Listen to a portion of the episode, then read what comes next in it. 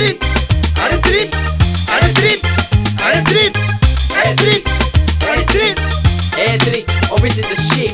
Look, yo, you know we're talking retro. So many new kids thinking they know. Only play Xbox and a PlayStation console. Never filled your hands with that square control. Like, look, this is for the kids to remember the old school. When Nintendo and Sega, long before Call of Duty and Battlefield. We wear out controllers so track and fill the car. We mastered the art of the Commodore 64. All the guys would join up. Color bars loading the game, it was the shit. With turbo tape on 500 games on cassette, we played Doom on the tiny frame on the screen.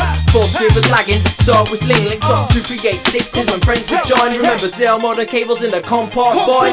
Edit, edit, edit, edit, edit, edit. Edit, or is it the shit? Magnus sticks in the menus as a hero. Ralph is Norwegian, champion in a zero.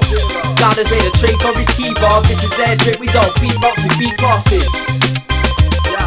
This is Ærredritt, we don't beatbox, we beat bosses.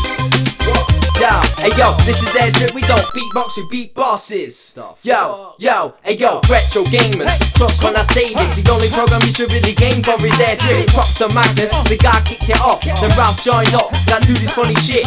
If some it sucks off, it's hella cool. We promise you, Ærredritt has honest reviews. We're talking straight from the liver and provide you the opposite, a level up and no hype. We look platform games, look RPGs. If you see a Sega game, then we'll say yes, please. Couple cardboard boxes, throw them in the trash. Don't be a hashtag plus now. Hey, you better buy your Ærredritt hoodie. If you wanna get them honeys that are high grade, step to a chick like, what's up now? Are you ready for that new episode of Friday? Ærredritt, Ærredritt, Ærredritt, Ærredritt, Ærredritt, Ærredritt, Ærredritt, or is it the shit?